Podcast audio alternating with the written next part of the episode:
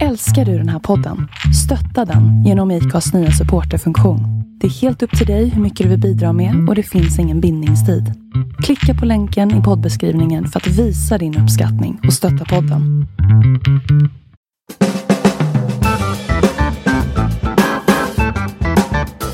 Ja, då får vi välkomna er till ännu ett avsnitt med Inspirationskällan med Emil Karlsson och Adrian Aho.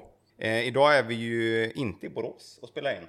Nej, Nu har vi stuckit till eh, grannkommun, säger man så? till Ulricehamn. ja, det är väl nästan din hemkommun va? Ja, min hemkommun eh, är, sitter vi nu. Nere på ett eh, ja, men rätt så fint ställe ändå känner jag. är riktigt fint tycker jag. Det är nog första gången här inne. Jag har varit utanför ett par gånger men Ja, typ på sommaren kanske. ja, på sommaren. Det, det känns ju som att det är mest känt för sina, sina sommaraktiviteter här. Det, jag tror ni alla känner igen Bryggan eller Djurport i Ulricehamn.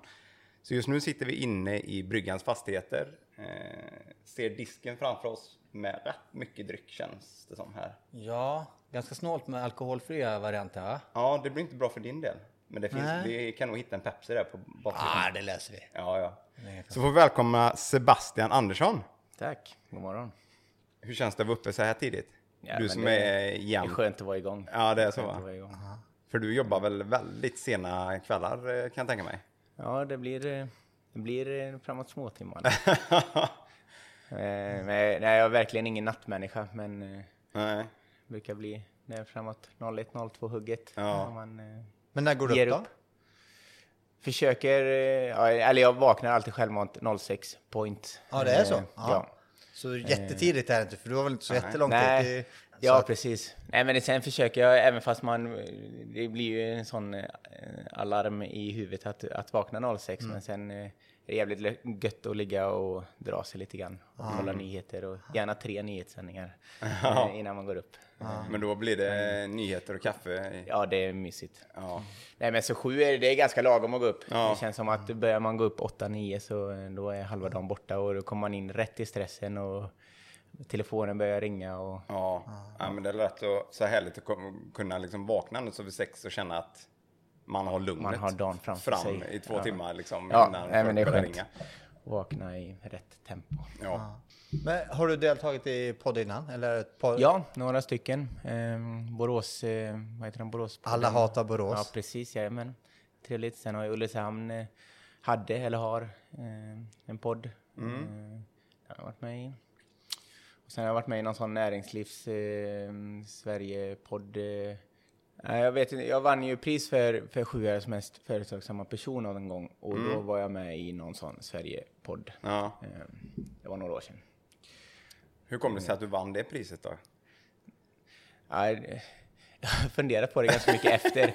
Den, den var ju ganska lustigt, eh, lustigt avgjord den här tävlingen. De- Dels fick man, alla fick nominera någon som de tyckte var, var någon entreprenör. Eh, och jag fick hejdlöst mycket eh, nomineringar. Ja. Eh, och sen så, och, och då gick jag till final och stod mot eh, eh, Kalmar, nej inte Kalmartrucken, men vad, vad, den trucken som sitter bak på många lastbilar, eller liften som sitter bak på många lastbilar.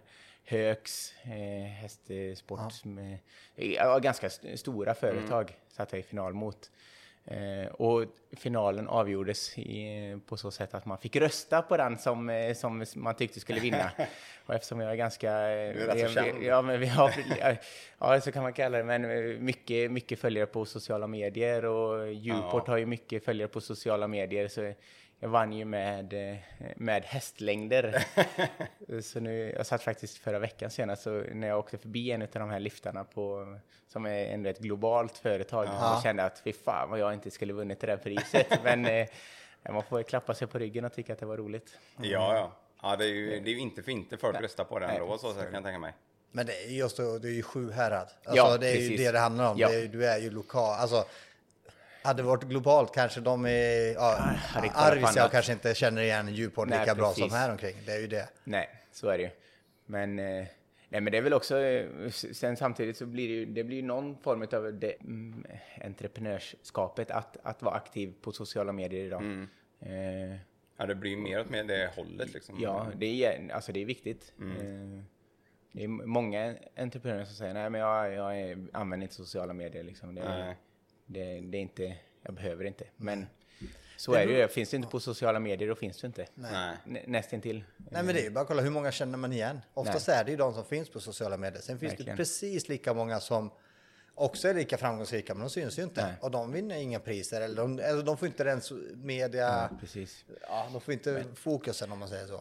Det kan vara ganska, ganska skönt också att, att eh, jobba i det dolda. Och eh, Ja. Man får inte så mycket, mycket press på sig och inte... Man blir inte uthängd på samma sätt. Nej. Svartmålad om i, i nedgångar och... Så, så är det ju men... För det är ju eh, rätt roligt att vara i media när allting går bra och i början liksom när det är. Men sen eh, som Sen du som har hållit på liksom rätt många år nu och ja, det är både, både positivt och negativt. Verkligen. Så att det, då blir det inte lika roligt att stå där som huvudperson för allting heller. Nej, så är det. Mm. Sen kan det ju vara kul att göra det inom, eh, inom jobbet liksom. Och för de anställda. Ja, precis. Men det- inte ut mot... Ja, men jag tror att det är några, några det, är, alltså det är sjukt roligt några år att vara offentlig. Mm. Sen blir det några år som det blir fett jobbigt att vara offentlig. Ja. Tills man landar i det och bara säger nej men jag är fortfarande den jag var när jag Ja. startade. Och kan när man, framförallt så tror jag det, nu är jag relativt ung Mm. och kan väl känna att när jag startade allting när jag var 22, 23 då var det jävligt häftigt liksom. Och man eh, får någon, någon kick utav det. Eh, Sen så hamnar man i de här 26-27 åren eh, när man, man byter identitet någonstans här 25, 26, 27. Eller byter gör man inte, men, men det händer ju ganska mycket. Man blir inne- kanske lite mer mognare Ja, lite och så. lite så. och då är det sjukt tungt när, när man blir petad på Ja. och dirigerad. Nu är jag 31 och känner att man har landat ganska mycket i det, så nu, nu kan man ju köra sitt race igen och veta, veta vad man är för filur och veta vad man står för. Och, Ja, eftersom Man- du är född 89 så, och jag också så du är ju väldigt ung och fräsch fortfarande. ja, så är det. Ung, men inte så Det fräsch. börjar jag känna mig gammal här. Ju några år äldre. Ålder är bara en siffra. Men, Ja, det är nog så. Men känner du dig som en kändis här Nej. omkring? Alltså när du Eh, går omkring nej. liksom, till Ica eller så? Nej, Det är inte... det, det, jag tror det blir lite vad man gör det till också. Jag, jag vill inte vara det. Nej. Och jag, vill, jag har alltid varit den här glada Sebastian som he- hejar på alla som man Mm. känner igen. Oavsett, för så är det, man, i Ulricehamn känner man igen alla, men man känner inte alla. Mm. Nej. Men jag tycker det är jävligt viktigt att hälsa på alla och Men sen är ju Ulricehamn en väldigt liten stad så det blir ju väldigt lätt Ja, att men- man känner igen eh, Precis. folk väldigt lätt. Alltså man kommer ihåg, har du hälsat på en person två gånger ut med eh, sjön här? ja, då känner man dem lite. Helt, ja, men helt plötsligt så, eh, Precis. så blir det... Så Men sen är det just att du jobbar ju ändå i den branschen, alltså evenemangsbranschen och häst- restaurang. Det är klart, då, alltså, då vet man oftast vem du är Ja. i det fallet. Så är det. Och Men, men, sagt- jag, nej, men jag he- hejar nog på folk på samma sätt som jag gjorde på den tiden. Mm. Och känner, alltså, så, så det blir ju, man, säger alltid att, eller alla som går med mig på stan säger att man känner alla, Mm. eller att alla känner igen en. Men jag tror det, det, det blir inte, jag tycker inte det är någon skillnad gentemot då. Nej. Så kändes det nog fel ord. Ja. Eh, Men får du, tycker du att folk eh, väldigt snabbt tror att de känner dig typ? När de har stått här vid På fyllan.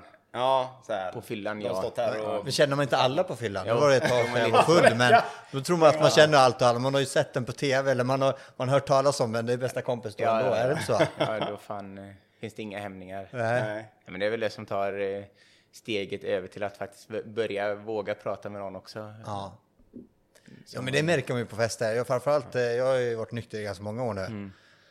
Eh, och när, när man är på en fest, från början är, kan det vara, du vet om man kommer till ett nytt ställe där man kanske inte känner alla, eller att det är några nya, Ja. då är det lite tyst och lugnt och man sitter och diskuterar. Sen, ju fler eh, långburkar de har druckit eller drinkar, desto mer pratglad. Plötsligt är man ju bästa kompis med någon man träffade för två, tim- nej, två timmar sedan. Då, då sitter man och diskuterar livets... Eh, alltså, Alla sidor. Ja, det är lite så. Men du hinner inte dricka så mycket ändå va? För du jobbar Nej. en del. Jag eh, ska väl inte säga att jag är någon festprisse direkt. Eh, sen, jag har några eh, liksom gånger per år där man, eh, där man tömmer sig. Eh, eller fyller sig kanske man ska säga. Nej, men sen det blir ju en bransch där man har nära till alkohol så jag kan nog, det är ju kanske inte, det är ju en dumt egentligen, men det blir nog en bärs per dag liksom. Men Ja. det är mer så här, efter jobbet bärs, det är viktigt att sitta ner och köta Mm. efter, man käkar lite efter. Eh, men det är absolut inte på grund av berusningen. Jag kan dricka en alkoholfri öl Mm. just för sakens skull. Eh, och sen eh, blir det väl typ två fester per år och då är det skjorta tom. Ja. Då är det blött. Vad är det sista måste ju varit din födelsedag. Ja, nej, ja, nej, min födelsedag var ju faktiskt väldigt lugn i år, men däremot eh, frugan fyller 25 i år. Då, då Var det blött. det som var då eh, brakfesten Då kanske? var det nu? brakfest. Det var det luddigt och var jag i Belgien och jobbade så flög jag hem från Belgien, festade, flög tillbaka. Det var in, ett intensivt dygn med mycket konfetti och stjärnet. eh, Ja, du det är var- utomlands och jobbar också då. Så. Nej, väldigt sällan. Ja. Eh, vi jobbar jättemycket ihop med ett företag som heter One More Family, som Mm. också är lokalt från Borås från början. Eh, men har, eh, har sitt säte i, här i Ulricehamn och eh, i Mölndal. De jobbar vi jättemycket ihop med. Mm. Och har eh, Oakley som kund. Så vi var där nere med dem och byggde, byggde Ja, mässmonter. För det känns som eh, när man har ett, eh, ett företag här omkring så blir det väldigt många eh, anställda från stan eller så. Ja, men För så... när man går in och kollar, eh, till exempel jag som, som kommer från Ulricehamn, och så går man in och kollar på deras, vad de gör. Mm. Och så blir det direkt va, han känner igen, han känner igen, han känner igen och hon känner igen och lite sådär. Eh, men är det så i Ulricehamn tycker du att många stannar i Ulricehamn, om de kan då om man säger, eller vill Ja, och just att starta företag i Ulricehamn, liksom, eller på, på, på det sättet tror jag många sta, stannar i Ulricehamn eller fortfarande har någon form av eh, förkärlek till Ulricehamn. Ja. Och det är ganska lätt att starta saker i Ulricehamn just på grund av att man känner alla. Ja. Eh, det, är, alltså det är ett samtal bort så har du en klan med människor som Mm. står här nere. Utan det hade vi inte, aldrig kunnat göra i. Nej. Alltså, om, om vi ser första årets Djuport, jag hade fan inte en aning vad vi gav oss in på. Jag hade ett papper liksom där jag spaltade ner allting som jag hade sett på en festival. Sen stod man där under veckan och eh, började bygga liksom och kände sig jävligt lugnt. Eh, Men eh, sen märkte vi ju liksom att eh, ja, men Jimmy på Däckcenter, han åkte förbi och tyckte att fan vad roligt det var och jag hjälper till lite. Och sen var han helt plötsligt här i sju dagar och gick hem med blödande händer. eh, Ja. Liksom, och alla satte sig i samma sits på något sätt utan att på något sätt ha signat upp på det från Ja. början.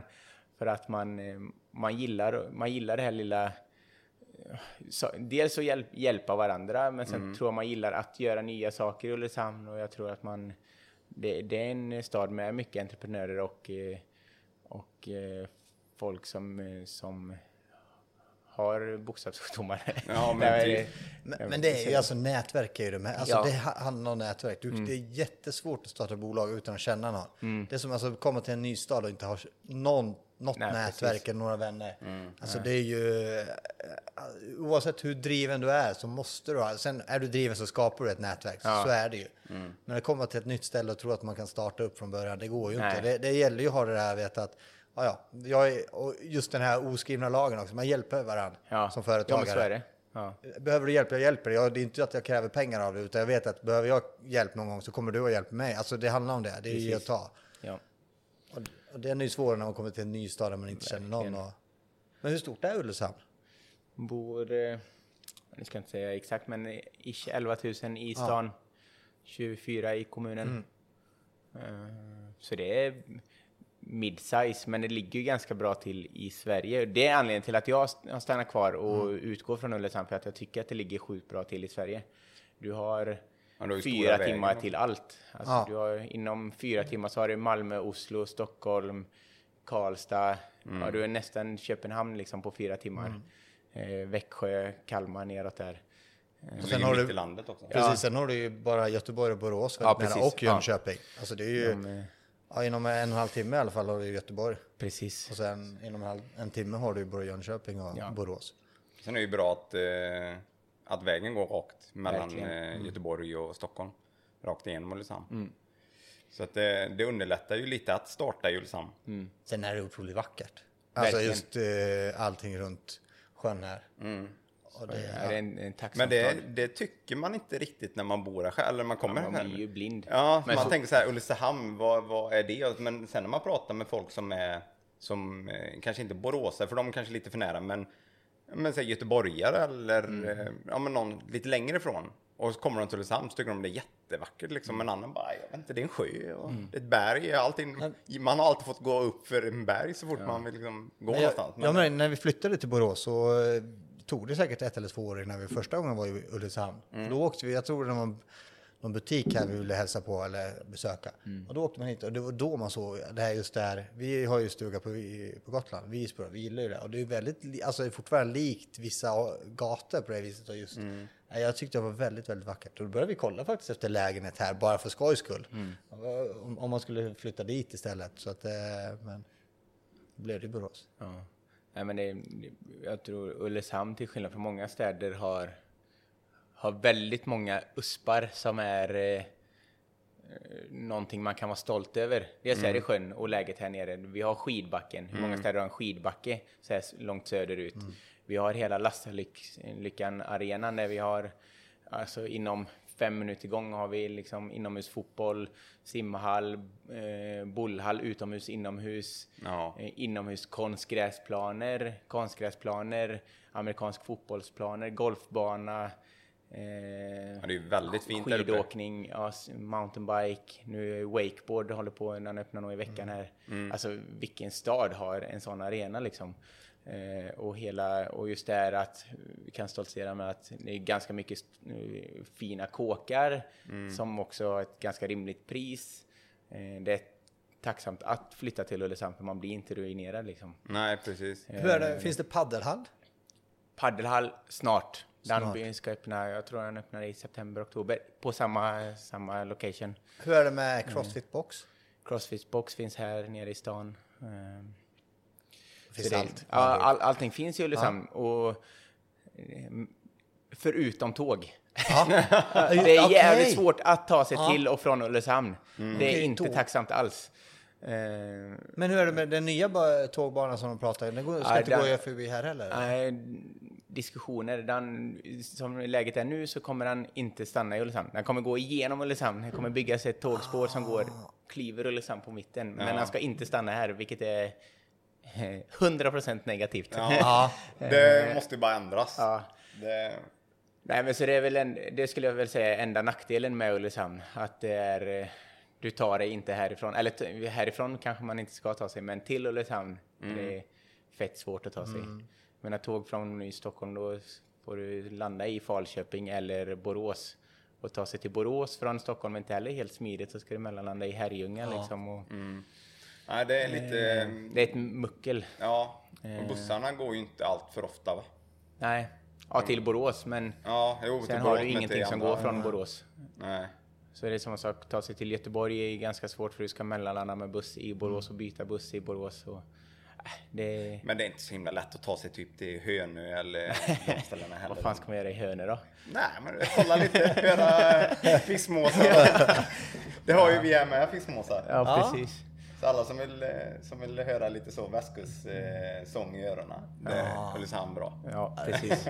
Ja. Nej, men det är, väl, det är väl enda vi inte kan stoltsera med Ulricehamn. Annars Ja. så är det ganska lätt att förespråka Ulricehamn och promota att man ska flytta hit. Mm. Jag menar, fan, du- får en, en riktigt bra kåk för tre mille i Ulricehamn med ett bra läge, en bra size. Vad, så det, vad får du i Göteborg för, för tre miljoner? Det är, Nej, En etta? Lägenhet. Ja, Kanske? en etta. Om du har tur i centralt. Ja. Ja. Det, ja. Men det är- däremot det- så har ju huspriserna gått uppåt. Det har blivit Ja, populärare i verkligen. Ulricehamn. Och det byggs väldigt mycket nu, eller i flera år nu känns Ja. som att det För Det- innan, eh, för kanske, ja men säg tio år sedan, Mm. så var det inte lika... Hett. Nej, för då, då det stod lite still typ. Mm. Men sen så, så har väl folk eh, börjat se Ulricehamn, att det, det är väldigt fin stad liksom. Mm. Och det byggs mer och mer här. Ja. ja, men det gör det ju. Så. Så det- Men sen är det den nya vägen är också bra. Den som Ja. byggdes nu. Verkligen. nu. Här är det lätt och smidigt. Ja. Nej, det, det är bra.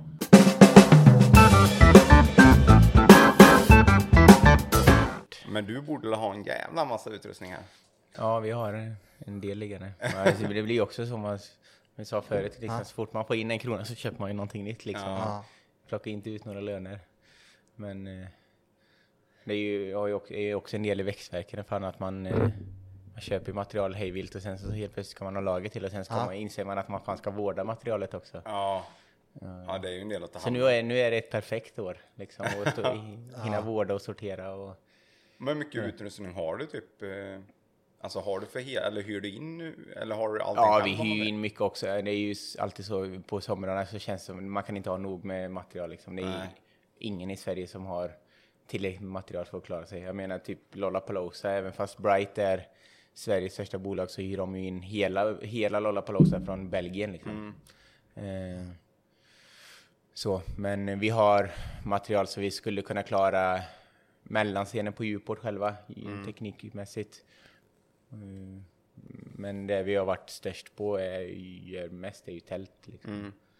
Där har vi ju extremt mycket. Ja, det har ni en del av. Har du kvar tvåvåningstältet? Jajamensan. Det ligger där ute och skrotar. Den används inte eller?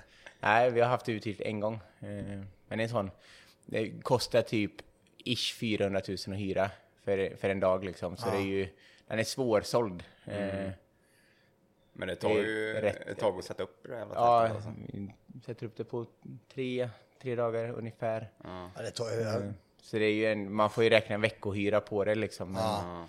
ofta är det ju inte... Så har de event två dagar så får de det för samma peng. Ja. Men man hyr inte ut det till, till eh, Svennems här om någon ska invigning. Nej. Precis. Eh, så den är, den är knepig. Men den är ändå... Den är, vi var ju tvungna något år liksom när Uport blev så jävla mycket och eller när det blev överfullt att byg, börja bygga på höjden. Så vi har nog tjänat in på det sättet att vi har kunnat sälja mer biljetter och Ja, för tältet var en enplatstält från början då eller? Och sen ändrade ni om det så att Precis. det blev eh, tvåvåningstält bara. Det var fan. Men hur fan gör man det då? Har man bara sytt på liksom Ja, men, nederdel? ja, eller? igen, krasst så är det så. Eh. Den nedre delen är, det är riktigt bastanta balkar. Benen väger 250 kilo styck liksom och takbalkarna 2,5 ton. Och sen eh, så det är ju, det är ju rejäla pjäser. Det är, så verkligen. att två, det är inte så att två gubbar sätter upp den själva. Nej, utan- fan. eh, Det är ju Det har lite... Eller det är mycket maskiner. Ja. Så arbetsmässigt så jag vet inte om det blir så mycket tyngre. Nej. Men eh, det blir en längre process. Och, Mm. ja. Men det, som varit tyngst med det tvåvåningstältet är ju typ Ulricehamns kommun. Mm. Och att förklara för dem att det är fortfarande ett tält. Eh, De ska ju ha in eh, det är ju bygglov och, och hela skiten. Mm. Och vi, vi trycker upp det där tältet överallt. Eh, liksom. Eller det finns ju tvåvåningstält på fler ställen i Sverige. Det finns tre stycken. Och de byggs ju på Lollapalooza, Summerburst, Sweden Rock. Och där är, eh, smäller vi upp dem som att det är ett campingtält. Eh, och kommunen skiter i vilket, men här är det, här är det big no-no. Alltså det är så Och det finns, det finns inget sätt att, att eh, bygga det enligt eh, bygglovsstandarder. Så det har blivit en jävla krock. Eh, Men du det- har rätt mycket med kommunen att göra ändå va? ja, jo. Eftersom så- Ulricehamn är ju inte jättestor. Men jag kan, kan nog säga att det är tack vare tvåvåningstältet som vi har lagt ner Djurport. För att det, är det vi har krigat om med, med kommunen hela tiden och det är det som drar ut processer och Ja. Men får se. hur länge sedan var det ni la ner? Vi, ja, men vi gjorde ju festivalen nu i, i somras, Ja. förra sommaren. Då. Så i år skulle vi ju inte gjort det. Nej. Eh, Det var första året vi inte skulle gjort det. Men ni hade inte fått ändå? Nej, precis. Så nu kan du ju säga att det är corona som stökat Ja, vi, vi hade ju redan gått ut med det, men, Ja. men, eh, men det var ju tajmat kan man säga. Mm. ja, det var ju en rätt snygg video ni gjorde inför förra året. Ja. Eller? Nej, en bra på- dokumentär eh, Ja. ja. Den var ju... Ja, det trodde jag inte, för det lät lite, eller det kändes som i slutet, fan det här kommer, det kommer inte bli Köra. av liksom. Nej. Men sen så, så Ja, ändrade du det, eller ändrade men... Ja, men vi har ju varit vacklat fram och tillbaka om vi ska göra det eller inte. Men ja. Det är ju så, allting har ju sin tid och man... Eh, till slut så undrar ju, eller funderar man ju på varför man gör det. Alltså det, det kostar sjukt mycket pengar, sjukt mycket energi, eh, jävligt mycket bråk med, med kommunen som inte... Det är inte värt det i och med att vi driver verksamhet här nere. Och det här måste vara main sysslan eller på något sätt att, det, att det, vi får inte bli av med bryggan. Nej, och nu precis. har vi varit nära på att bli av med bryggan tack vare festivalen i, med tillstånd och sånt. Ja, det är Och- tillstånd och sånt där. Ja, i och med att det går på samma alkoholtillstånd och det blir så börjar, hamnar vi i en cringe med kommunen så blir det, det blir jag personen som hamnar, i en Ja. cringe. Eh, så ska vi ha någonting uppe på torget så spelar inte det någon roll att vi inte... För, ja, Nej, det blir ju en, en, eh, någon form av eh, twist liksom. Ja. Ja, nej, det är lite Så, svårt det där. Det enda som vi kan säga, det, det som är roligt med Uport är ju upp, eller att vi gör det ihop som team. Mm. Men nu åker vi runt och bygger så mycket andra event som team och då får vi ut den kicken utav det ändå. Ja. Eh, Hur många är ni i teamet? Är det bara ni tre just nu då? Eller hyr du in just för ja, det? På Uport event så är vi, säg att vi är fem Mm. som, eh, som alltid åker runt och jobbar på somrarna. Ja. Men sen så eh, alla, alla som är med på Uport, vi kanske är 10 10-12 stycken i Uport-gruppen. Ja. som alltid har varit med genom åren och de plockar vi ju in när vi behöver extra händer. Mm. Ehm, Men partyhyra och Uport event, Event är samma sak. det är samma sak. Ja. Men eh, eventen då är det... Ja, men vi startade Partyhyra 20, 2014 för att vara ett subbolag till, till Uport-festivalen. Ehm, men sen när vi, när vi gjorde just Summerburst det var då det började och så direkt på hösten efter första Summerburst så gjorde vi EU-toppmötet i Göteborg. Och när, när vi skulle lämna referenser där på plats och de frågade vilka är ni? Liksom, Ja, partyhyra. Det känns jävligt konstigt att bygga EU-toppmötet och heta partyhyra och så började ju event, sen gjorde vi pingis-VM och världscupen här uppe och då blev det helt plötsligt på en högre nivå än att heta partyhyra. Det som var tanken från början var att hyra ut hoppborgar och partytält och Ja. eh, sig, det, Popcornmaskiner. Det kan ju vara positivt också. Att politikerna känner att det här är party. Ja, alltså, för ja, men det brukar ja, vara lite lite grått och tråkigt. det Men här kommer party, partyhyra. partyhyra. Så, släppa, Ja. släppa slipsen. Nej, men så nu har vi båda två fasaderna, eller försöker. Vi har inte hittat riktigt rätt identitet där, men vi vill fortfarande ha kvar den här. Mm. Hy, kom och hämta på vårt lager. Eh, vi har en hoppborg, vi har en, party, eller en popcornmaskin Mm. som ni kan ta med hem till trädgården eh, och bänksätt. För som, som familjen Svensson ska, som ska ha ett st- student hemma så blir Djuport event. Det blir för allvarligt. Mm. Ja. Och för partyhyra, eller för, för Summerburst att ta in partyhyra så blir det för oseriöst. Ja. Så men det... ja, för du har en balans. del andra företag, eller du är aktiv i en andra bolag va? Ja, jo, eh, vet jag knappt längre, men vi har ju... Det är ju partyhyra slash Djuport event, det är Bryggan, eh, det är Sippa. Sen har vi fastigheten här nere som är Ja. ett eget eh, fastighetsbolag. Sen har jag kvar min, eh, mitt konsultbolag eller min webbyrå som jag... Som det, det är det jag är egentligen, webbutvecklare. Happy Face finns ju kvar. Ja, just det, den ja. ja. Så där gör jag ju fortfarande lite konsultuppdrag och eh, eh, härvar runt. Ja. eh, Men den här lysande apan, vad är det? Lysande apan är det som driver eh, Sippa. Alltså det är den som är Sippa? Ja. Lite, lite hemligt. Även eh, och Ulricehamnsgruppen, det är bryggan. bryggan. Ja.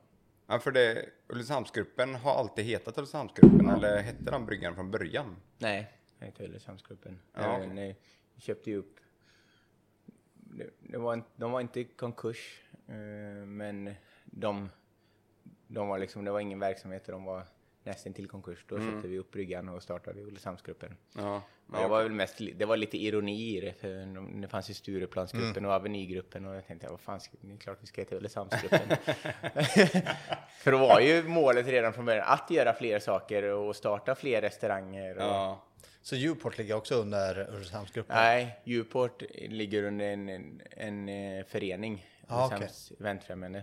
Mhm. Men sen det blir ju... Det blir jävligt luddigt, men, men föreningen, det, den står ju som arrangör och tar in... Den står för alla artistkostnader och biljettintäkter, men sen tar de ju in Ulricehamnsgruppen som säljer alkohol, eh, eller serveringen. Och så tar de in Djuport Event för att bygga eventbiten. Så det är därför det är jävligt svårt att räkna på resultat, för varken Ulricehamnsgruppen går ingen vinst, eh, eller de tar in eh, försäljningen. Djuport Event eller Partyra bygger ju allting gratis och går in med all personal gratis. Eh, så att säga.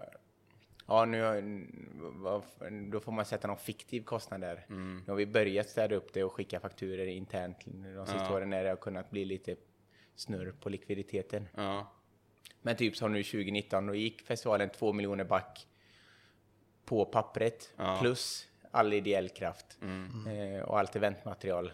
Och då, blir, då finns det helt plötsligt inga pengar man kan skicka runt heller och då, då skickar man inte gärna interna fakturer. Så Det är jävligt luddigt. Ja, det är Just det, det det vi diskuterade lite innan. Att Just det här man ska sitta hos banken och förklara Ja. hur, Ja, ja, fan, hur allting ser ut med bolag. Ja. Det, det är inte riktigt att man kan eh, rita den här fina, så här ser det ut. Holdingbolag, så är det systerbolag, så här ser det ut. Utan det är lite, ja, men det är lite där och där. Och, ja. Det Ja, är- så är det så. Och, Men- och alla undrar, ja, men hur går det liksom? Och gör ni Ja. Eller ni måste tjäna svinmycket. Nej, vi tjänar inga pengar och vi jobbar tusen timmar gratis liksom. Ja. Ja. Det, det, det, och alla bara, ja men det är, det är bara tid. Ja. Jo, men det är tusen timmar som man hade kunnat tjäna pengar på. Precis. Eh, Du hade inte kunnat vara anställd heller, men hade du varit anställd och Ja. jobbat tusen timmar, det, var, alltså, det är ganska många timmar. Man, du precis. vet, de ligger ju där, okej åtta timmar jobbar jag, jag har jobbat två timmar extra. Fan, det blir extra på lönen den 25. ja, Och det är ju inte, men det är viss personlighet. Jag tror inte du skulle klara att vara Nej. anställd på det viset. så är det verkligen. Men det är ju någon bartender som ska ersätta kär liksom, Ja. och de har ju lön och, istället för att jag står där Ja. själv. Så Ja. det blir ju jävligt direkta kostnader även fast det inte blir på pappret Nej, i precis. bolaget. Eh, Ja, så det, är, det är svårt att räkna på Ja, det är och svårt att förklara.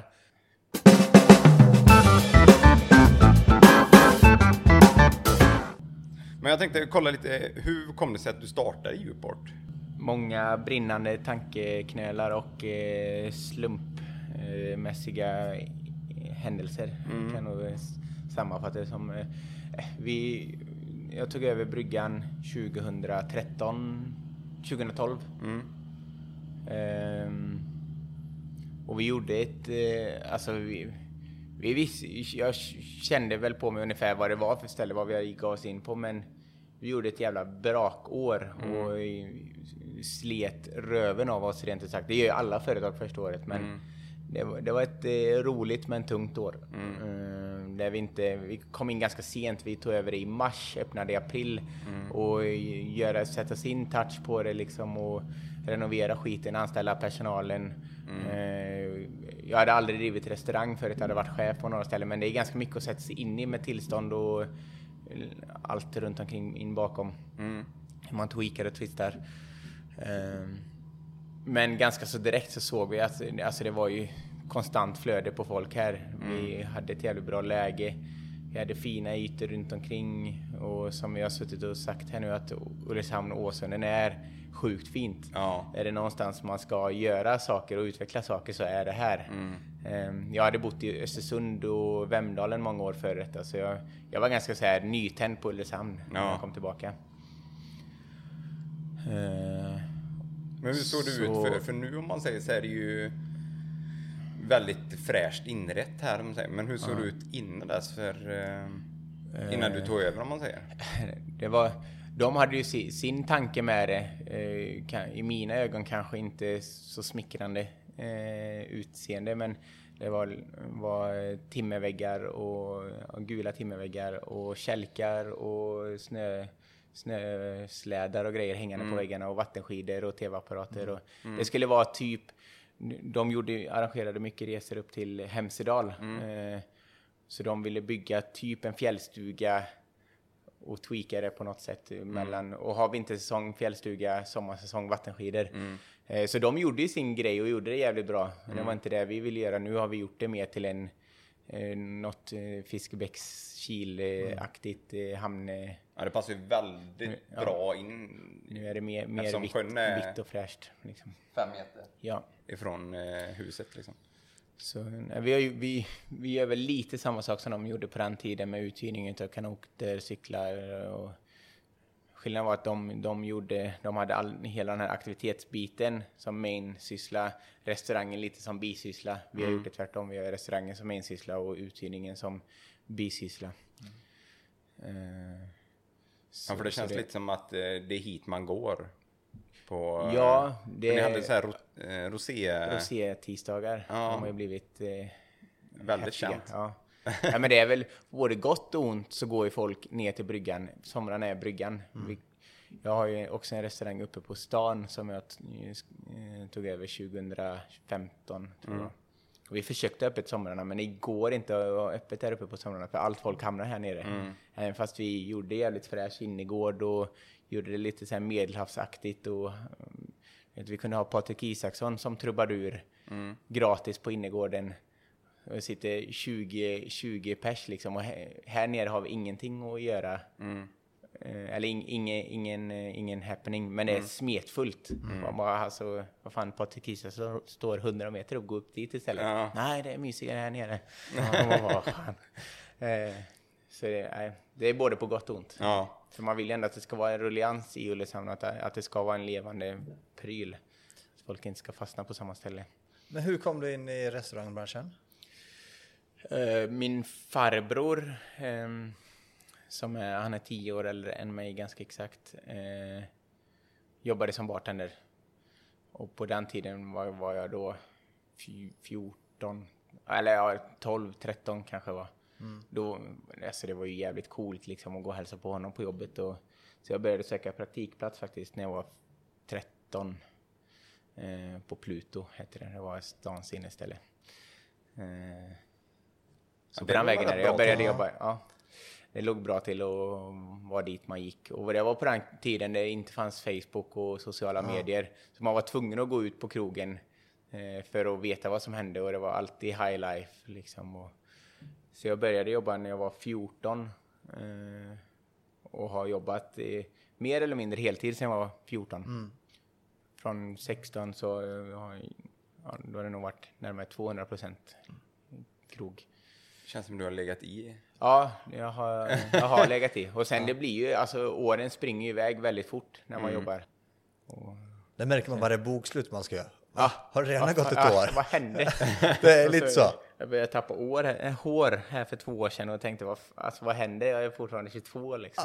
Men det var man inte. Man var helt plötsligt 30. Eh, Men du är inte, du är inte utbildad, alltså ja, självlärd är du, men du har ingen, eh, Ingen- ingen- gymnasieutbildning inom restaurang då? Nej, spelutvecklare. Ja, du, okej. Yes. Det är ganska hett det också i och för sig. Ja. Kanske lite lugnare, eller ja, det Nu- vet man ju inte. Nu framförallt sista året så har jag börjat sitta och fundera liksom eh, varför fortsätter man inte på den vägen? Man, ser, alltså, man visste redan då att de kommer tjäna pengar, det är jävligt hett. Jag gick första årets, eh, eller andra årets eh, gymnasielinje som hade spelutveckling i Sverige, så jag var ju ganska tidig med det. Eh, och då, då var ju fo- folk visste liksom inte vad det var riktigt. Eh, Men, men man visste att det, det här kommer pengarna finnas. Och Det var ju en otroligt stor bransch redan då. Eh, Det kunde varit du som startade eller gjorde Mojang. Ja, eller? ja, då hade, Ja, men det går inte att tänka så heller. Fan, man har fått jävligt mycket upplevelser ut med vägen istället. så är det.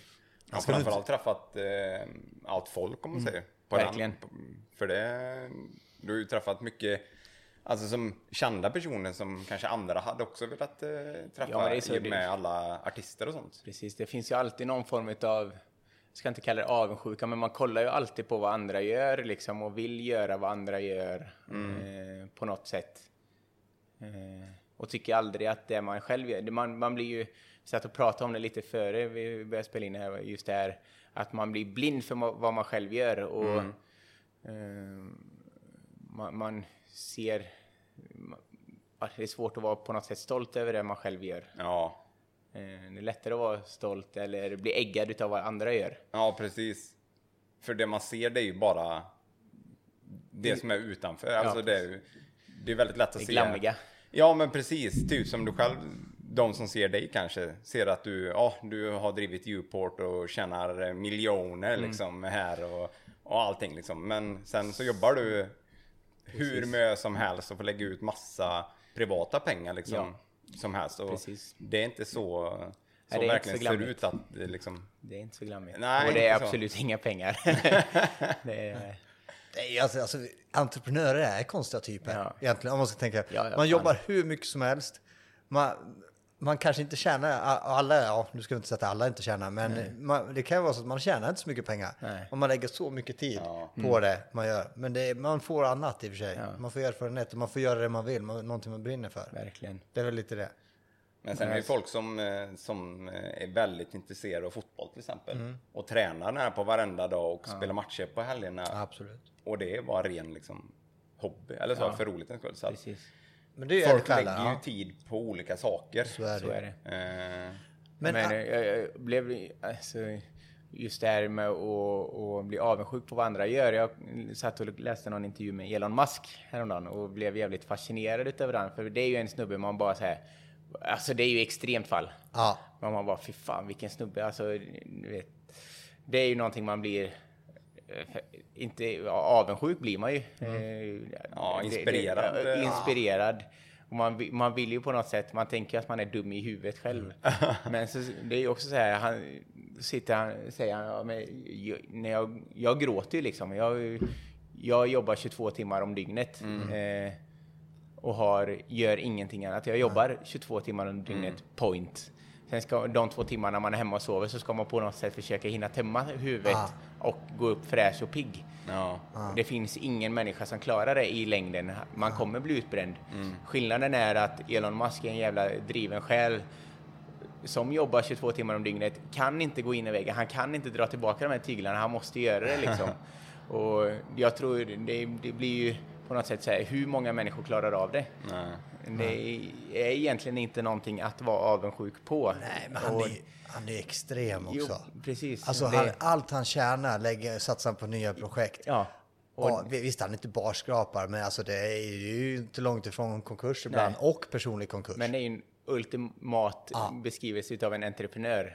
Eh, Och, och har du sett när han pratar om det här med eh, SpaceX? Ja. När, och när, när de andra, var hans idoler har gnällt på det. Han gråter, alltså man ser tårarna. att han, han brinner för det så mycket så han tar så illa vid sig. Så att Ja. med, bara för att någon har gnällt på hans jobb Ja. så blir han tårögd i intervjun. Alltså, han blir nästan, han blir ledsen. Alltså genuint Ja, men det är så. ledsen. Man, man känner ju mycket med Ja. honom och man vet hur mycket själ det ligger i det, hur mycket slit som ligger bakom det. Och som sagt, jobba de här 22 timmarna om dygnet och slita för någonting man tror på så jävla hårt.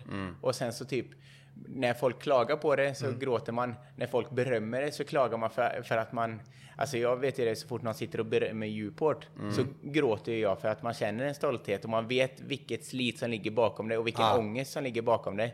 Men, och när folk klagar på det så blir man ju också, gråter man för att man bara, ni fattar inte vad det handlar om egentligen. Nej, liksom. precis. Eh, så man, eh, nej, det är jävligt knepigt alltså. Det är samma sak nu med till exempel Elon Musk, Tesla. Han har jobbat som vd utan att ta betalt. Mm. För, och så har han, när vi når en viss gräns så ska han få ut en viss peng. Ingen har gnällt på att han inte har tagit ut, men när han väl får ut sin liten peng, alltså om man jämfört med han, det är ju en bråkdel om man skulle kunna få som en Ja, ja. riktig lön. Och då får han på grund av att de når en viss mål, aktiekursen en viss hög, alltså de omsatte en viss del av med en viss vinst. Mm. Och då får han ut det. Och då blir det jättediskussion att han tömmer Tesla. Man bara, Ja, men de senaste tio åren har jag jobbat utan lön. Alltså, Det är, nej, det, är så, det är så mycket bakom Ja. eh, allting man ser som man eh, helst hade, som man inte vill ha själv liksom, Ja. men som andra är. Eh, Men vad det är har du för fasaden. eh, förebilder eh, nu är vi ändå så inne på det här och prata om andra, vad de gör? Men det är ju, alltså jag kan ju, jag har, det beror lite på, jag växlar förebilder ganska mycket liksom, men jag, en konstant förebild som jag alltid kommer ha är farsan liksom. Eh, för det är någon man har vuxit upp med och sett både de bra och de dåliga sidorna utav. Liksom man vet vilken ångest det är. Eh, han, han jobbar som eh, byggarbetare, snickare. Ehm, tjänar inga pengar liksom. Han har så vi, man kan ha lever, eller bröd på bordet. Ehm, och, men inte någonting extra. Men så vet man också att han har fått offra jävligt mycket utav det som många andra kanske har. Vet, när jag var liten jag fick, jag, fick jag springa med på byggställningarna. Det kanske inte är en ultimat uppväxt. Men för mig, eller jag tycker att det var jävligt roligt att vara med där. Man, man, och vi har ju fått en helt annan connection än vad många andra kanske har fått.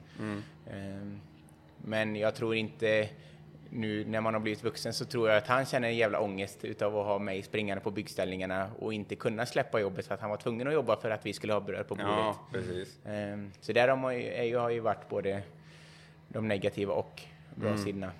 Det är Många av de här förebilderna som man kanske ska, om man ser typ Petter Stordalen Mm. som driver stora hotellkedjor, det kanske är en typisk förebild, men där ser man ju inte nackdelarna, Mm. eller de baksidorna. Och det är jävligt svårt att ha som en förebild på något sätt. Och då ser man ju bara, Ja, då ser man det glammiga. ja, ofta pengar bara hela tiden. Ja, och jag tror det är farligt att ha sådana förebilder för det blir helt plötsligt att det blir en, en ångest och en strävan efter någonting som Alltså man blir hela tiden nedvärderad för att man aldrig kommer uppnå det som de har eh, på något sätt. Eh, Ja, absolut. Eller för, jo, man kanske kommer uppnå det de har, men det kommer också alltid finnas en nackdel i det eh, som man inte ser att de har. Ja, Eh, på något sätt, så man kommer alltid känna sig misslyckad när man jämför med dem. Ja. För de har bara glam och glamour. Men någonstans, just sådana som Petter Stordalen som vi pratar om, det är ändå någonting, han är ju ändå någon som byggt no från noll. Ja, alltså han bör, och och, det- det, är ju det som är imponerande också, tycker Precis. jag, vissa delar. Sen har han ju, finns det för och nackdelar med allt. Mm. Men så att det är ju ändå de man ändå kan se, ja men det går. Man Mm. behöver inte ha, ja, nu låter det fel med pappas plånbok från början som betalar och, och får Mm. Precis. någonting som rullar på och vet att man har sina pengar ändå.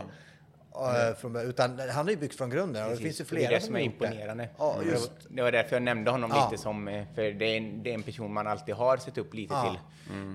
Just på grund av den saken. Men det är nu, jag tycker coronakrisen som är nu, det blir ändå roligt är fel att säga, men nu, nu sätts ju många på prov. Ja. Och det är nu jag tror många som har haft det jobbigt från början, alltså som har gjort den här resan att starta från noll. ja.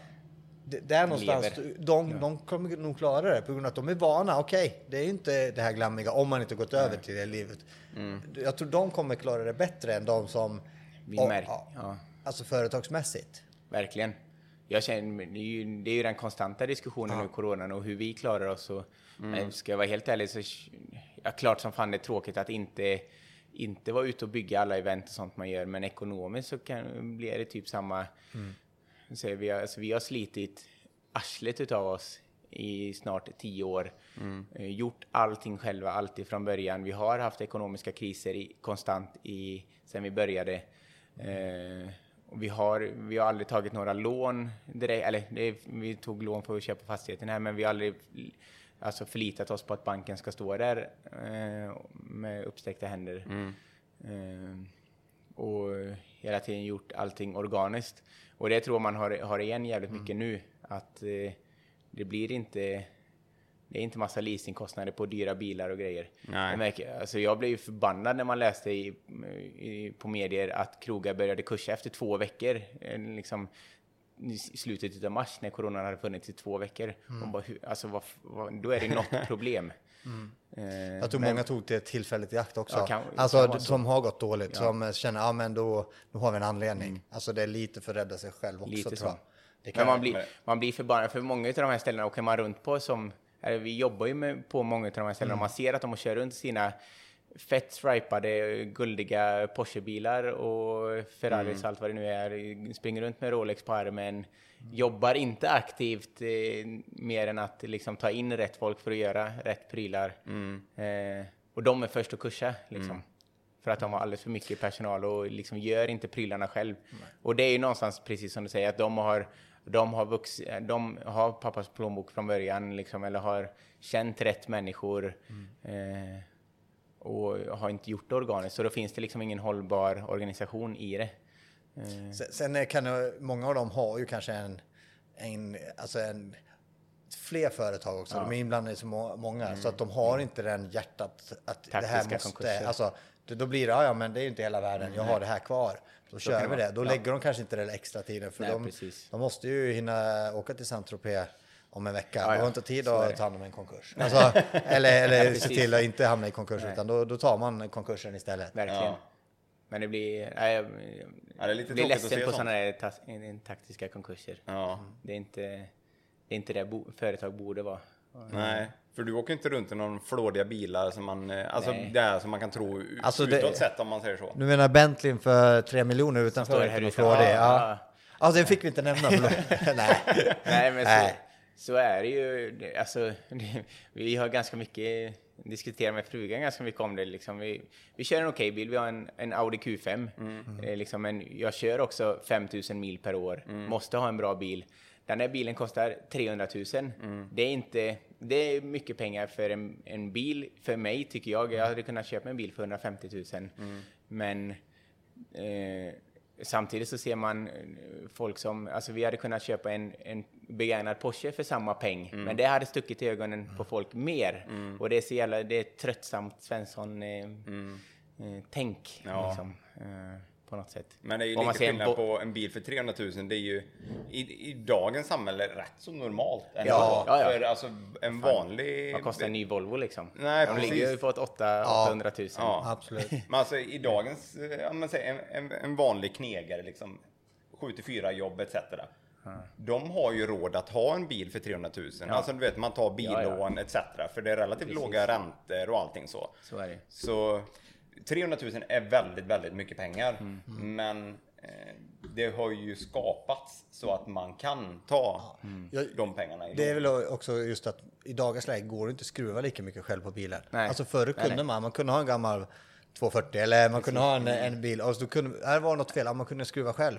I dagens läge går det inte. Du knappt, du, ja, överallt. precis. Och, och tar du bort det så har du elektroniken som larmar centralen att nej, nu är det någon som håller på att sabotera Ja, ja, Alltså det blir ju så. Ja. Så därför är det ju för bekvämlighetens skull också. Jag menar, mm. om vi, det är som du säger, hade man haft en Kia, det finns ju jättefina Kiar Mm. som kostar en 300 000. Sen köper du en treårig, treårig begagnad Merca Ja. som kostar kanske lite mindre. Men det är ju den som sticker i ögonen. Ja, ja. Bara för att det är Merca. Alltså det, det är ju det. Men eh, ändå är ju... Det, det har blivit någonting med... Det är samma sak en Rolex. Du kan ju ha en Rolex för tre, vi säger hu- 50 000. är en bil, nu är det billigare Rolex om man säger så, men fortfarande. Och du kan ha en, en eh, Sjö Sandberg för 50 000. Precis, men då är det Rolexen. spelar ingen roll. Nej, Rolexen är det bara för att det är det. Ja. Men sen är det ju, det, är en- det är ju en... eh, Känsla. det, det, är en, det, det är skryt, Ja. prylen, eh, klocka. Jag menar, det, så är det ju. Men, men det är just att det är märket som gör mycket. Men de, det är ju det de har velat uppnå. Så Mercan vill ju ha det kvalitetsmärket, eller lyxmärket och Rolex samma sak där. Så att det... Ja, det Nej, baksidor med entreprenörskap. Ja, det är väl lite så. Men mycket för, mest fördelar skulle jag nog säga. Ja. Men det är också, kommer du till en kund, vi jobbar inom installationsbranschen, alltså, kommer, man, kommer man till en kund med lite för dyr bil, Ja, det är inte så, bra. nej, då reagerar ju kunden lite grann, jaha, de har råd. Alltså oavsett vad den kostar, alltså det är ju lite så. Har ni sett Solsidan? Ja. Den Ja, något jag det. älskar scenen när snickaren kommer i en Porsche, Porsche Carrera. liksom, och eh, de var vad fan vi kan inte anställa den här snickaren, han tjänar alldeles för mycket pengar. Liksom. Ja. Nej, det är trist och sen dagen har han bara lånat den bilen för, Ja. från verkstaden. Nej, det... Men sen finns det ju de som eh, bygger sin, sin image eller sitt rykte Ja. på att ha bara prylar för att irritera folk eller, eller reta folk. Det är ju så. De har ju oftast pengar också så att de kan göra det. Men Ja. alltså det, det finns ju den sidan också. Precis. Det funkar inte Ulricehamn. Det gör inte det va? Nej, inte Ulricehamn. Det... Så undrar om du kommer med en eh, jättefräsch ny Porsche för, eller vi säger Lambo. Ja. Och ställer den utanför här. Hur, hur länge dröjer det innan restaurangen är tom och de gått till nästa ställe? Nej, jag vet inte. Jag kommer aldrig få veta för jag kommer aldrig ha råd med en heller. Jag tänkte du kanske låna en och ja, låtsas att det är precis. Ja. ja, nej. Det är knepigt. Ja. Du håller på med restaurang och krögarlivet och eh, bygga, men var det förra året då när du spelade in med Colin Nutley? Med filminspelning och sånt också? Är det något helt nytt eller? Ja, eh, det var egentligen, alltså, så har ju det har sett ut konstant de se- senaste åren sedan jag startade detta, liksom, att man är hungrig på nya utmaningar, göra någonting nytt. Eh, från början var det restaurangen som var nytt, vi gjorde det jävligt bra. Man tröttnade ganska fort. Vi startade festivalen, gjorde det jävligt bra. Eh, fortsatte göra festivalen, men tröttnade ganska fort. Började bygga andra festivaler, gjorde det, gjorde det ganska bra, men så liksom, det, det blir ju, alltså allting blir ju ett jobb till slut. Man förlorar kickarna. Ja, precis. Så kände jag förra sommaren att, eller nej, jag vet inte om jag kände det, men det dök upp en, en annons liksom att eh, Sweetwater som är Colin Atlis och Helena Bergströms bolag då heter, söker en platschef. Jag hade inte en aning vad en platschef var, men det lät jävligt roligt. Eh, Så Mm. Jag så jävla skickade in, också. skickade in en ansökan och berättade vem jag var. Dagen efter ringde de och, och sa du låter intressant. Eh, du kan få jobbet om du vill liksom. Och, eh, och så frågade de vad vill du ha betalt? Så, jag, jag, alltså jag har ju inte en aning vad jobbet inne, inne, vad det innefattar liksom. Jag har fan aldrig stått på en filminspelning. Men på den vägen är det och, och då insåg jag ju liksom att jag behöver nya kickar, liksom. jag behöver göra någonting nytt. Eh, Så eh, jag var med om tre månader eh, och det gick sjukt bra. Fått bra referenser därifrån och blev har varit med i någon, några filmprojekt efter.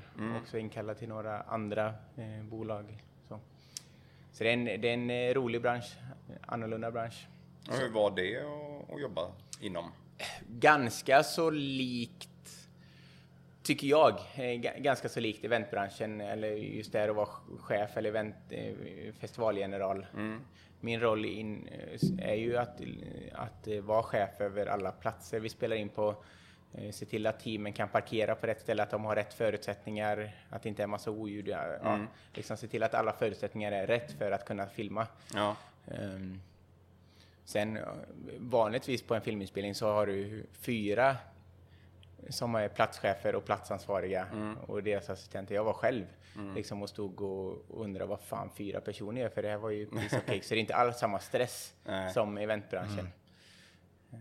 Och där känns det rätt skönt att kunna lugna ner sig lite i alla fall. Ja, jo men det är verkligen. Och det, men det, det, har vi märkt att vi har öppnat dörrar för en helt ny bransch som vi faktiskt kan matcha ganska mycket ihop med vår eventuthyrning utav allt material och sånt vi har. Så jag är ju helt plötsligt, det trodde jag inte när jag sökte det jobbet. Då trodde jag att jag skulle vara där och vara ansvarig och få min lön. Men den stora uppsidan har ju blivit att vi har hyrt ut material för en miljon på, på ett halvår nu liksom. Det har helt plötsligt blivit 10% av omsättningen i det här bolaget. Ja, precis. Får platschefer vara med i, om, om ni vinner något stort pris i Hollywood, får, får platschef... Platschefen får inte vara med. Det är så? Nej, det måste du förhandla till nästa det är gång tror jag. fan- Det, Det är viktigt, viktigt. ja, ja, det är viktigt. Du. Glöm Det inte här- den lilla finstilta Ja, grejen. precis. Måste ju synas jag tror lite. knappt jag får vara med på eftertexterna faktiskt. Är det så? Nej, men jag, det är, jag vet faktiskt inte. Jag har Nej. inte forskat så mycket i det heller. Nej. Det är inte därför jag gör det. Nej. Eh, Men eh, Nej, det måste ju varit väldigt roligt om inte annat med Ja, verkligen. Att se hur, man, hur det funkar med filminspelning och detta. det är jätteroligt. Sen är det någonting helt annat än vad, vad man är van vid. Alltså det är, kan vara fruktansvärt mycket väntan. Liksom man, man, jag ska alltid vara först på plats, jag ska vara sist på plats, se till att allting funkar i inspelningarna. Har jag gjort mitt jobb rätt så ska ju allting funka. Då sitter jag i tio timmar och väntar och rullar tummarna och kollar Instagram liksom. Nu har jag väl, när man, i början var man ju ganska rädd för att göra andra saker under inspelningarna eller liksom multitaska för att man alltid stod på tå och ville, men när man på något sätt har landat i det och känner sig trygg i vad man gör så har jag kunnat ta med mig datorn och börja multi, multijobba. Eh, så det Det perfekt. Dubbla löner. Dubbla löner. Ja, vi som pratar om att du tjänar så mycket pengar ja, här. precis. Det är inte undra Här får på. man vända på varenda timma som går. Ja, men det är lite så. För det är lite synd. Timmar går inte att köpa. Nej, så är det. Och därför känner man sig ganska dålig så fort du står och rullar tummarna. Ja. Eh, alltså jag vet, jag har varit och, och hjälpt, eh, typ nu när coronan började så dog ju hela eventbranschen. Mm. Och jag nämnde ju Jimmy på Däckcenter att han har varit här och hjälpt oss på festivalen Mm. tidigare. Så då tog jag tillfället i akt att, eh, att eh, ta en månad och samla lite, eh, på lite karma. Så jag var uppe och hjälpte honom på, under hans högsäsong. Ja. Och han, jag var så här, alltså jag kan jobba hur mycket som helst, bara det finns saker att göra. Mm. Liksom, men så fort det blir lugnt så då känner jag att jag, då, då är det bortkastad tid liksom, för då Mm. går det att göra annat. Sen om jag jobbar 18 timmar om dygnet där uppe, det spelar ingen roll. Nu jobbar jag inte så mycket, men eh, det, det spelar ingen roll att jag jobbar 10 timmar gratis där uppe Mm. per dag. Eh, för då känner man ändå att man gör någonting och man Ja. gör någon nytta. Men att stå och rulla tummarna, då gör man ingen nytta alls Nej, någonstans. precis. Eh, Men det är alltid roligt jag att ge, kunnat- ge tillbaks också. Alltså när, när Ja, man ja, vet det- att man får tillbaks av den personen. Man hjälper dem så vi hjälper en, en tillbaks. Det är Så viktigt. är det. Det, det, det. Eller det är det som också är väldigt roligt med, eh, som du då som är entreprenör och, och egen om man säger, att du kan göra lite olika saker. Precis. Det, det öppnar ju vissa dörrar, även fast man inte tjänar mycket pengar. Men det, alltså det är ju roligt att göra saker. Att sitta på bryggan här hela dagarna, liksom, alltså inte i huset bryggan utan bryggan ute, ute på sjön. Det är inte så himla roligt att sitta där och liksom scrolla på telefonen. Nej. Nej, för sig 28 grader, fin solsken, något kallt att dricka.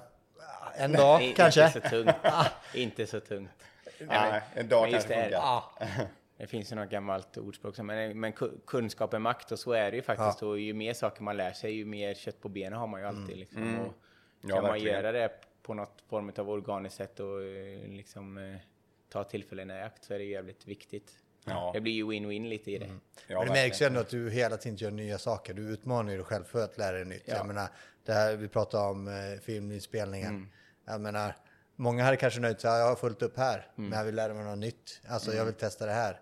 Så att eh, då kanske inte du alltid är den bästa förvaltaren. Utan det, det får man någon annan som förvaltar. Utan du startar upp och Precis. Får i ordning på det. Och sen får någon förvalta det. Så är det Lite ju. så. Oftast är det väl så entreprenörer är. Men... Men på både, både ja och nej. Allting jag startar blir ju små babies som är svårt att släppa. Absolut. Eh, många, de entreprenörer som det går bra för har ju alltid, de startar någonting med en exitplan. Alltså jag, jag lärde mig vad exitplan var för ett år sedan. Det- jag har aldrig hört det tidigare men eh, det, det blir ju inte, så, så det är inte... Det, är ju frågan, visst, det, entreprenörer, det finns entreprenörer som går, alltså som man säger, kända för att de lyckas sälja någonting dyrt för exit. Alltså det är ju så. Men sen är man ju imponerad av de som behåller, alltså som, som du säger, som det är deras bebis, de är från början till slut. Och visst, de kanske inte får lika mycket pengar på en gång, alltså när de väl säljer på det viset. Men de har ju ändå någonting de har skapat och då är det en annan stolthet. Kunna Precis. visa upp, det här har jag gjort. Ja men det är ju så, man bygger ju värden på ett helt annat Ja. sätt än pengar. Och jag tror att det kan komma alltså efter, har man gjort en eller två exit, alltså vet, till slut har man sålt och tjänat, så- då kanske man tappar den här lilla, eh, känner att "Ja, det är min bebis, alltså att den känslan, utan då, då har man den planen att nu ska jag sälja, och visst då kan man ju tjäna pengar, det är ju så.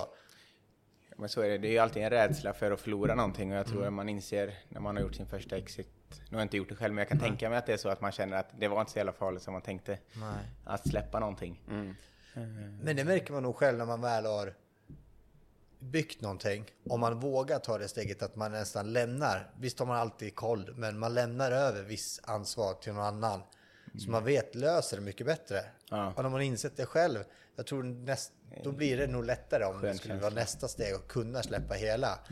Men, men det är dit man måste nog hitta en person som man litar på som kan köra, ta hand om det åt en, fast det är ju det är ett bolag så det är inte för mig man jobbar utan det är för bolaget man jobbar. Men jag tror när man väl har hittat den så kan nog nästa steg bli en exit om man vill. Men du får, eh, vi tänkte jag, du är fortfarande så ung så att du hinner nog med det också. Kanske. Om du vill. Får, eh, Jag får gå i terapi hos dig och få hjälpa till. Ja.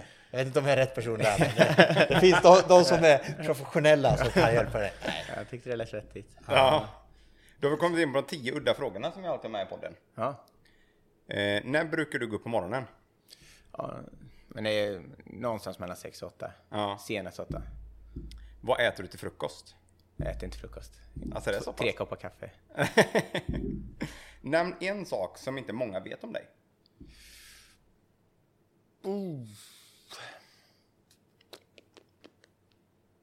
Det är konstigt, den frågan är alltid svår fan. alltså.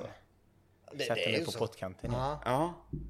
Som ingen vet om mig. Nej, Nej, så- som inte många vet om Som inte många vet om dig. Fy fan. Som du vill berätta också. det är det det handlar om. Det finns säkert många saker du gör men som inte ska komma ut i offentligheten.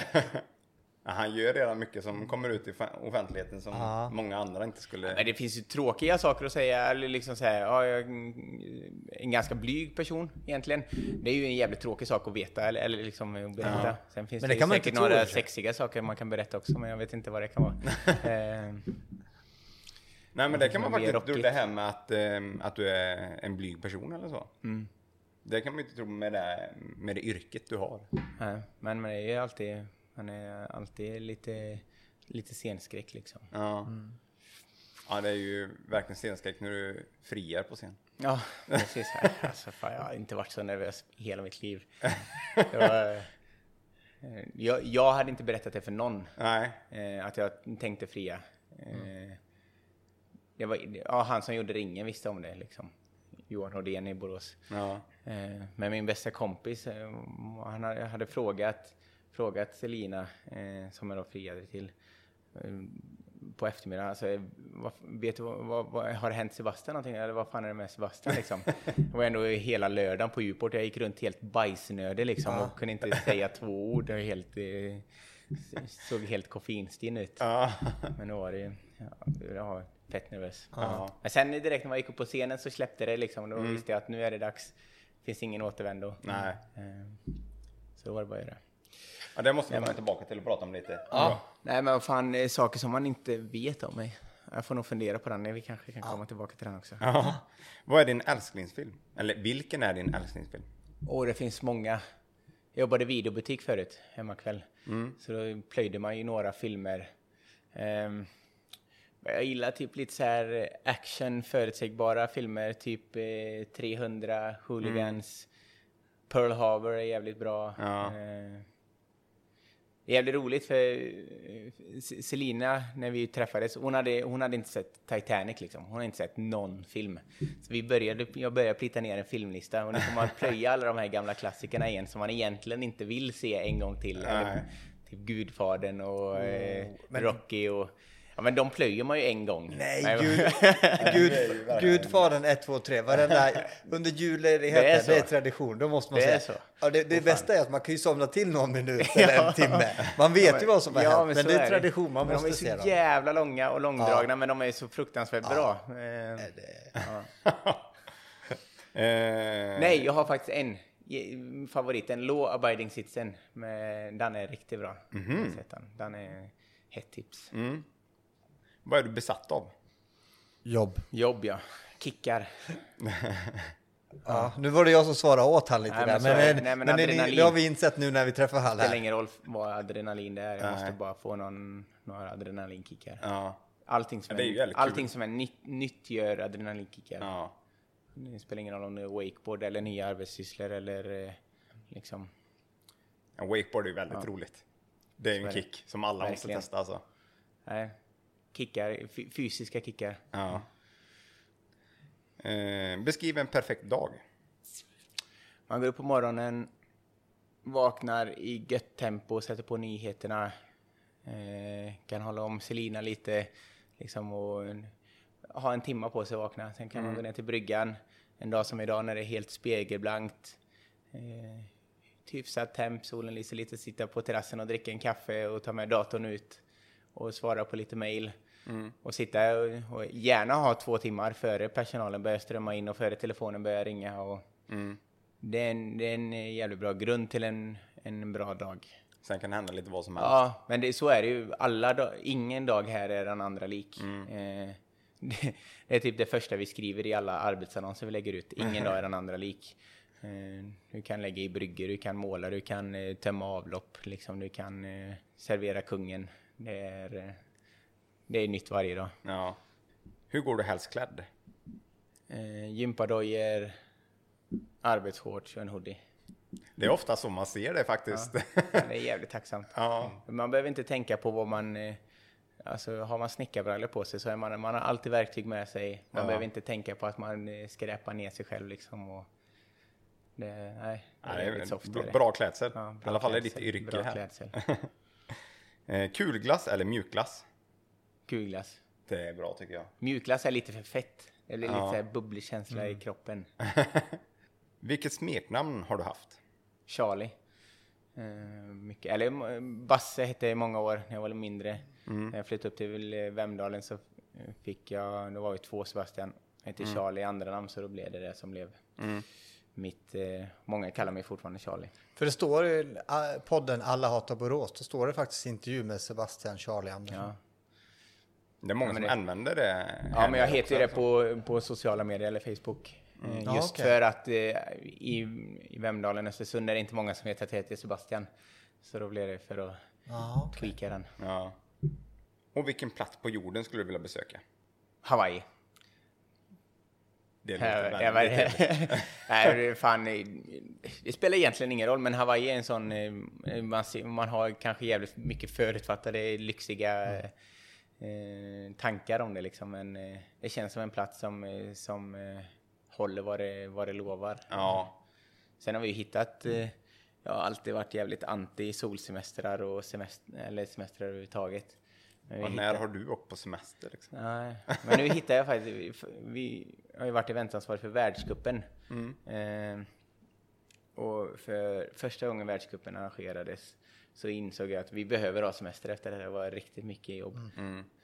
Eh, och min dåvarande tjej eh, älskade, eller hon ville åka till eh, Malaysia.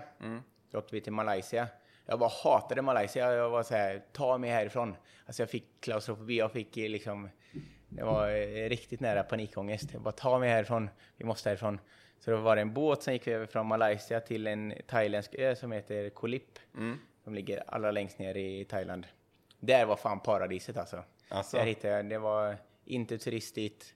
Eh, det var eh, en liten jävla ö liksom. Eh, som eh, var soft. Det var inte nära på att du startade en krog eller någonting? Där. Jo, det har varit nära. Det är fortfarande nära kan jag säga. Nej, men så där hittade jag mitt paradis och vi var faktiskt där för, för förra året igen. Eh, Och jag har alltid varit lite skrämd för det här att ha semester längre period. Men när man sitter där, det fanns ingen mobil, eh, alltså nu hade jag en plutt på mobilen, ing, absolut inget internet. Alla hotell lovar ju nätverk, men eh, ja, du kunde koppla upp på nätverket, men det gick fan inte att surfa på det. Eh, så då, då inser man ganska fort, okej, jag är ganska hjälplös här nere, det är ganska soft att bara hänga här. Så nu när vi var där, då var jag där med, med min nuvarande flickvän, min blivande fru Selina. Ehm, och vi var där tre veckor. Vi plockade fan inte ens upp Yatzyt eller kortleken. Liksom. Vi satt i en solstol, drack mojito och kollade på havet i tre veckor. Liksom. Det var så jävla gött. Jag gjorde ingenting. Det låter som ni gärna kan behöva det Ja, nej, men det, det är underskattat Ja. faktiskt. Så nu försöker jag kriga med mig farsan. Som alltid, han, har, han har nog fan aldrig haft semester. Eh, jag säger, du, Du måste, får låtsas som att det är att du ska bygga, du ska öppna restaurang där. Ja, eller, precis. Och du behöver hjälp med att snickra. Ja, då, då, Då- går då han kommer han. Då går han igång Ja. på det. För är det någon som skulle öppna en restaurang till, alltså om du skulle åka på semester så är det nog fan du som skulle helt plötsligt så här komma upp på det- sociala medier. fan, Oj då! Alltså, vi, vi träffade ju någon svensk som hade restaurang där nere och det, det är sjukt äggande alltså. Ja. är, eh, Men ja, det, det, kommer, det kommer hända i framtiden att Mm. man öppnar det någonstans. Nej men eh, det här friandet, Mm. det vill man ju höra lite hur du kommer att tänka på det just. Det är en liten speciell sak. Kanske många som vill fria på det sättet. Ja. Nej, men det gick ganska fort. Jag och Selina hade bara varit ihop i ett år. Liksom. Eh, För fort kanske många säger. Men ändå tagit mig igenom mig eh, många år i det här livet, i det här hysteriska livet. Eh, Man inser ganska fort vilka man, vem man kan leva med och vilka som står en nära och vem som förstår en. Liksom, för det är, vi pratade om det senast igår hemma, liksom, hur, hur många relationer det är. Hon frågade liksom, ja, tror, du att man, tror du att vi hade varit ihop om vi inte hade jobbat ihop? Vi jobbar ihop 24-7. Och så sa jag, nu hade vi nog kunnat göra det, men vi hade aldrig kunnat träffas och inte jobba ihop. Eh, för det funkar inte att jag är här 20 timmar om dygnet och liksom bygga någonting.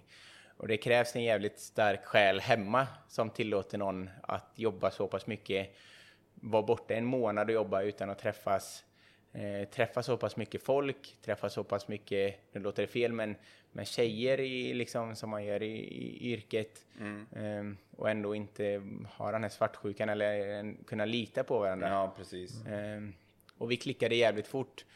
Ehm, jag öppnade mig eh, liksom eh, första gången jag träffade Selina och sa jag la, la alla kort på bordet vad jag har gjort i mitt liv liksom. Och, Ja. eh, vi, vi klickade jävligt fort. Ehm, och hon köpte, köpte det.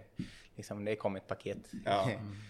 Ehm, och sen det året så bokade jag Teddy Bears som är mitt favoritband och, och som var hela sta- starten med Djuport var Teddy Bears. Så då kände jag det någon gång jag ska göra det så är det fan nu liksom på scenen.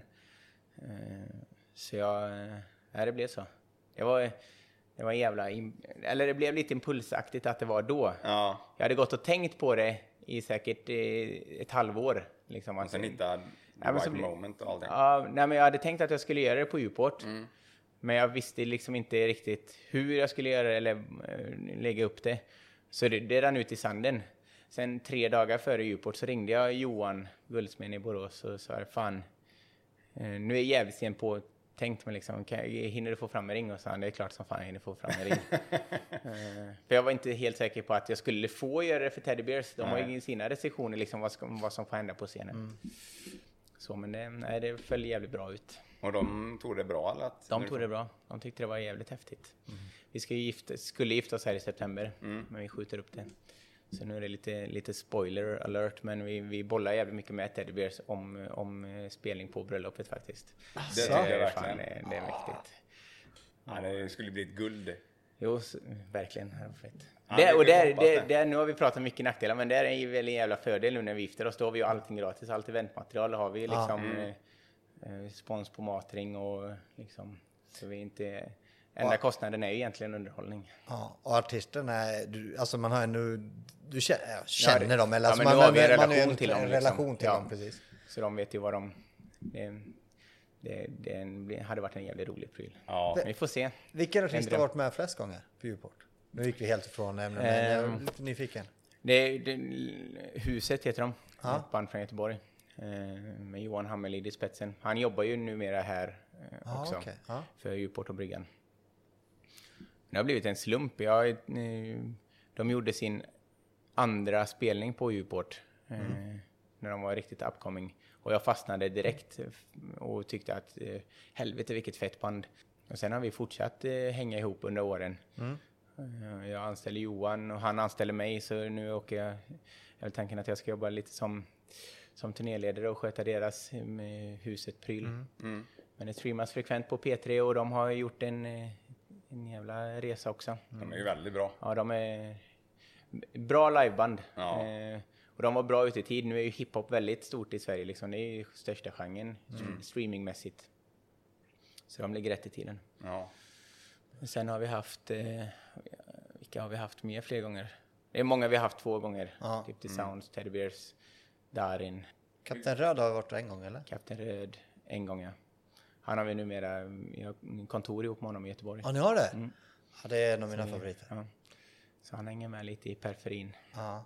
Vilken tycker du, förutom Teddy Bears, för det vet jag att du tycker är det Mm. största, men förutom det är det största liksom artisten som har gett mest här, som folk gillar mest?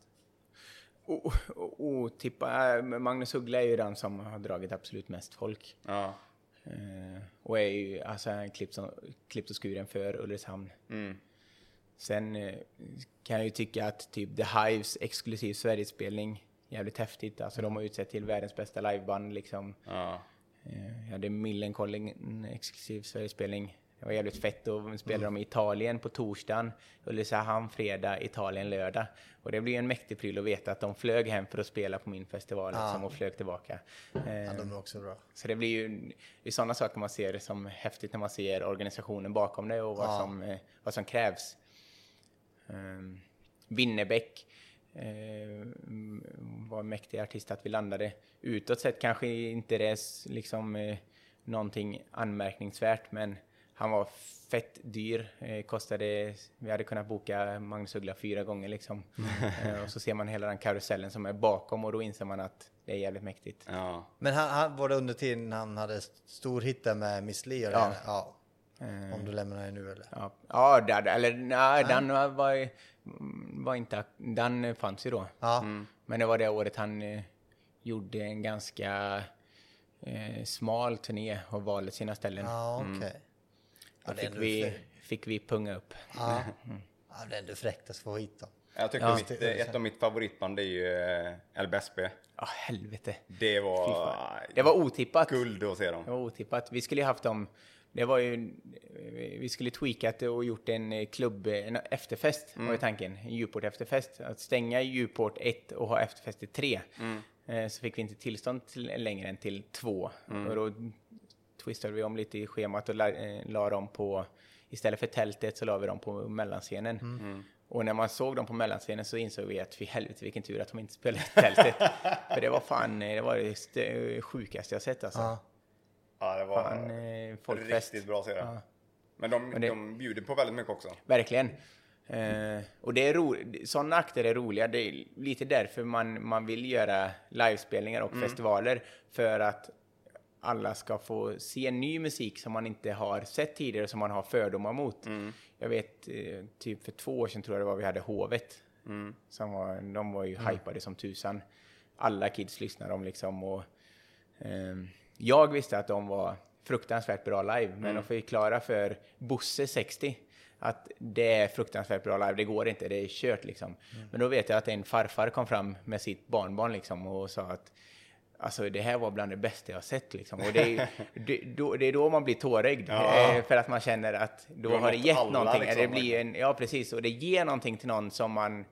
De här förväntningarna. Mm. Eh, inte, eller de har inga förväntningar på det, men det ger en upplevelse för livet. Ja, precis. Ehm, Men det är ju det vi har haft som mål med Uport, att det ska spegla Ulricehamn alltid. Och alla ska kunna lyssna på alla akter och alla ska hitta någonting nytt i alla akter. Och därför tycker jag det är så jävla mossigt med personer som säger det är ingenting för mig. Liksom, eller ni har inte bokat någonting för mig. För det är fan bullshit. För det är, det är en upplevelse i all musik. All, det är inte, alltså jag förstår, hade vi bokat någon growl eh, metal akt, jag hade inte gått och lyssnat på det heller liksom. Eller om vi hade bokat en, eh, någon operaakt. Det, är- det, alltså det går inte alla att lyssna på. Men när det blir en liveshow och det blir någonting att titta på och det inte är anskrämligt för öronen, då, eh, då är det någonting för alla. Och man kan hitta en upplevelse i allting. Men det har ju varit det- alla genrer. Ni har haft Precis. metal och Ja. det har varit dansband eh, Precis. Men de, de har vi ju skilt på jävligt tydligt just på grund av den saken att vi vet att det är en jävligt stor skara metal-fans i Ulricehamn. Då har vi startat en hårdrockscen Ja. dit de kan gå.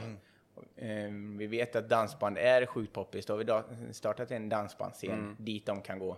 Men på main-scenerna, där ska alla kunna lyssna på alla akter. Mm. Ja, precis. Det ska vara brett och man ska kunna uppleva någonting nytt där. Ja. Men det är ju själva känslan också att vara på festival. Alltså Precis. oavsett egentligen vem det är som spelar. Det är ju den, den, själva den känslan där. Ja, Så det, det är svårt. Ja, det- så är det. Men det är ju så, här, typ, ja, när, ja, som nämnde Kapten Röd. Jag spelar ju oftast hans typ hundralappen som han gjorde och i, på Spotify. Just på grund av att man vill få den känslan runt omkring också. Man hör publiken och det, det, det gör ju väldigt mycket också.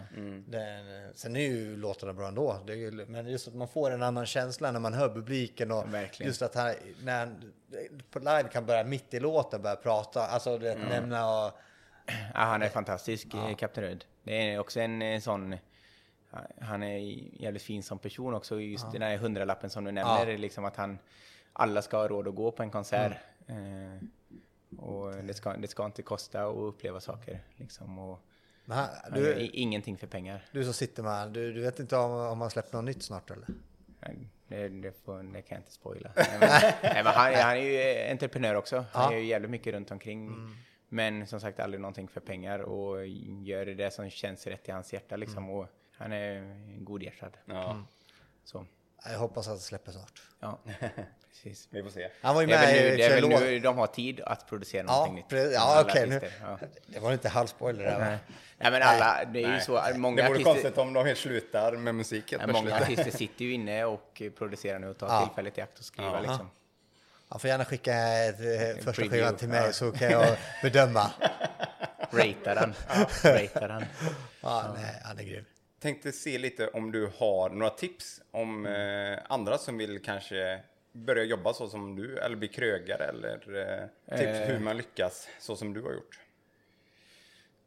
Nej, men eh, ett, man ska vara jävligt införstådd i att det är slit. Liksom. Det är inte glammigt. Eh, Det är allt annat än glammigt. Eh, Och det tror jag är det första som alla går på en nit liksom. När man startar eget eller börjar jobba i det. Att man tror att det är glammigt och, och då blir man nog knäckt ganska fort. Ehm, Där är du väldigt öppen med dina eh, ansökningar, jobbansökningar i Ja. alla fall. precis, och det, Det är, du är ju väldigt ärlig att här är liksom inte precis, och det, som på alla andra ställen. Och det är mycket i arbetsintervjuerna kretsar faktiskt kring det till de anställda också. Liksom. Jag frågar sällan vad de har gjort tidigare. Jag frå- frågar mest vad de har för förväntningar på jobbet. Och eh, hur... eh, för- då märker man ganska fort vad de, må, många är på restaurang och tycker att det är jävligt häftigt. Mm. Eh, Men återigen, det är bara det som är fasaden liksom. Mm. Det fler timmar före och efter. Det, det handlar om att stå och rulla bestick eller putsa bestick och gå in och städa en toalett efter liksom. Mm. Ehm, nej, men, men det är ett, att man ska vara eh, införstådd i att eh, det är inte pengar och det är inte, inte glammigt. Mm. Och sen eh, så tror jag, alltså, man, man ska vara, man ska ha jävligt på det klara vad man vill göra och vad man vill stå för. Och, eh, för det kommer alltid finnas tyckare och tänkare som sitter på avbytarbänken. Mm. Veta, veta vart man står och vart man vill Mm. och gå sin egna väg och testa sin egna väg före man börjar lyssna på andra. Sen ska man alltså såklart ta åt sig av både bra och dålig respons. Ja, det är Men, viktigt att eh, kunna ta det. Ja, men det är bara, bara du själv som vet målet med vart du ska någonstans. Ja. Och för att nå ett mål, det krävs ganska många steg på vägen för att komma dit. Och ofta kanske du har en tanke, tanke med vad du vill göra och då kan du inte tweaka den på vägen liksom. Mm. Du kan inte åka, eller du får åka lite slalom, men du får, kan inte vara ute i skogen och röja liksom. Nej. Eh, och det blir det gärna om, om du har, eh, har eh, folk som sitter på läktaren och tycker och tänker. Då är du ute i skogen och harvar för du går inte din, din väg för att Mm. Nej, komma precis. till målet. Ja. Om man skulle vilja komma i kontakt med dig, hur gör man då? Ja, jag, jag är sjukt dålig på att svara. Men eh, sociala medier är väl eh, jättebra. Instagram. Mm. Seb Happyface heter jag där. Eh, det är det lättaste. Eh, eller så, så eh, mejlar man. Ja, Mail är alltid bra. Telefon är svårt. Jag är ofta ute och bygger eller står i service eller så. Mail kan man alltid svara på när man har tid. ja precis.